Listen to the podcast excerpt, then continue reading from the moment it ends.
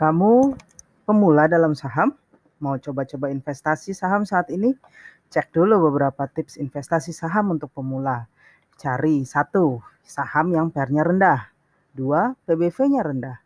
Tiga, eksposur ke mata uang asing tidak signifikan. Empat, utang ada tapi tidak besar.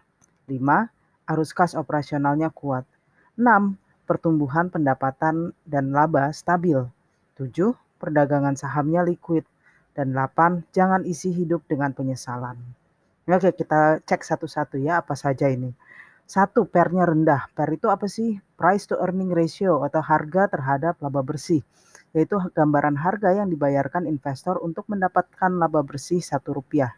Kalau per tercatat 12 kali, artinya investor mendapatkan investasinya kembali dalam 12 kali dalam 12 tahun dengan asumsi perusahaan tersebut setiap tahunnya mencatat laba yang sama. Melihat per satu tahun aja tidak cukup, sebaiknya melihat juga dalam rentang 3-5 tahun. Mungkin saja per saat ini rendah karena labanya luar biasa melonjak karena bonus tahun tersebut.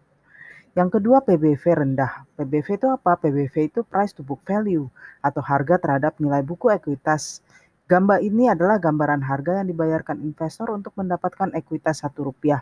Makin tinggi berarti saham itu makin mahal. Tapi jangan heran juga bahwa ada beberapa uh, yang berani memberi membayar tiga kali untuk saham-saham yang bagus. Kenapa? Karena asetnya sangat produktif. Tips termudah adalah mencari saham-saham dengan PBV di bawah satu kali dan menjualnya ketika sudah melewati angka 2,5 kali. Tapi waspada, saham-saham ber-PBV rendah mungkin saja memang karena aset yang nggak produktif. Tiga, eksposur ke mata uang asing tidak signifikan. Nah, eh, bagaimana caranya kita tahu supaya perusahaan memiliki eksposur mata uang besar? Paling mudah adalah melihat ke laba rugi laporannya di bagian bawah dari laba kotor atau laba operasional, kita kadang melihat laba rugi selisih kurs mata uang asing. Kalau kalau dari tahun ke tahun angka tersebut besar dan sangat berfluktuasi, maka risiko itu besar. Contohnya PT Garuda Indonesia, uh, pesawat maskapai pesawat kita punya laba selisih kurs yang sangat besar. Nah, hindari dulu perusahaan-perusahaan seperti ini. Bukan berarti perusahaan ini buruk, mereka punya exposure itu karena terkait dengan industri yang mereka geluti. Tapi Anda kan masih pemula, belum tahu kapan exposure ini menguntungkan atau merugikan perusahaan, maka sebaiknya dihindari. Yang keempat, utang ada tapi tidak besar. Cari perusahaan yang punya utang tapi tidak terlalu besar. Perusahaan yang tidak punya utang sama sekali mungkin sangat aman tapi juga tidak tumbuh secepat yang punya utang. Sebaliknya, perusahaan dengan utang besar sekali akan kesulitan bayar utangnya terutama saat-saat seperti gini yaitu resesi, situasi krisis dan sebagainya. Maka carilah eh, keseimbangan antara keduanya.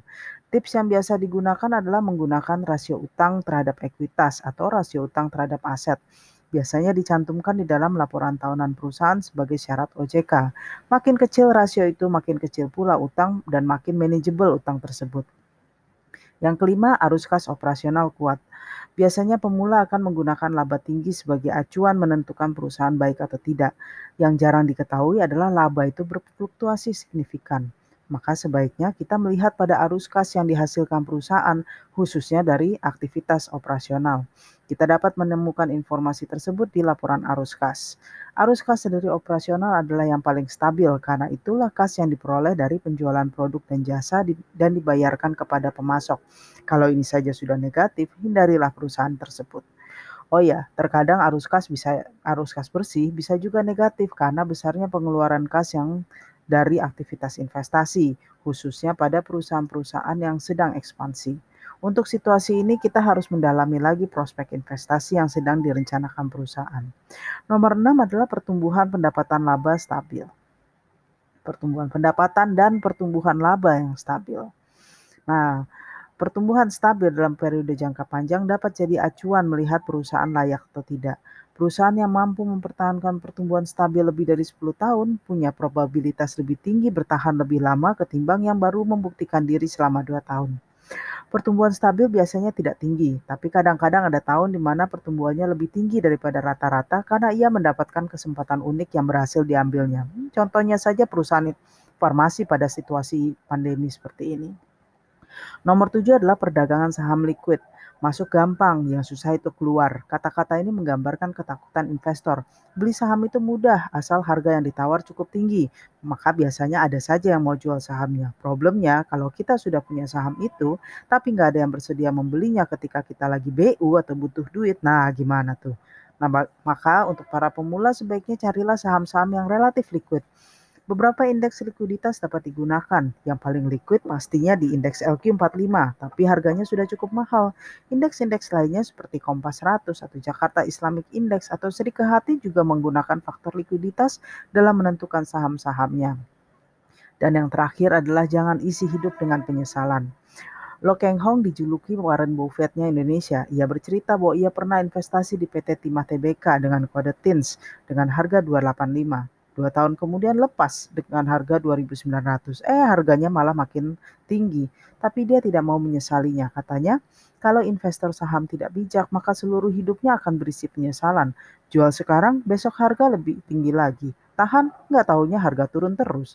Maka jangan isi hidup kita dengan penyesalan. Sebaiknya gunakan kesalahan kita sebagai pelajaran berharga dalam hidup. Nah, meski tips-tips ini membantu, tapi selalu ingat rajin riset dan pengalaman selalu merupakan guru terbaik. Selamat berinvestasi saham.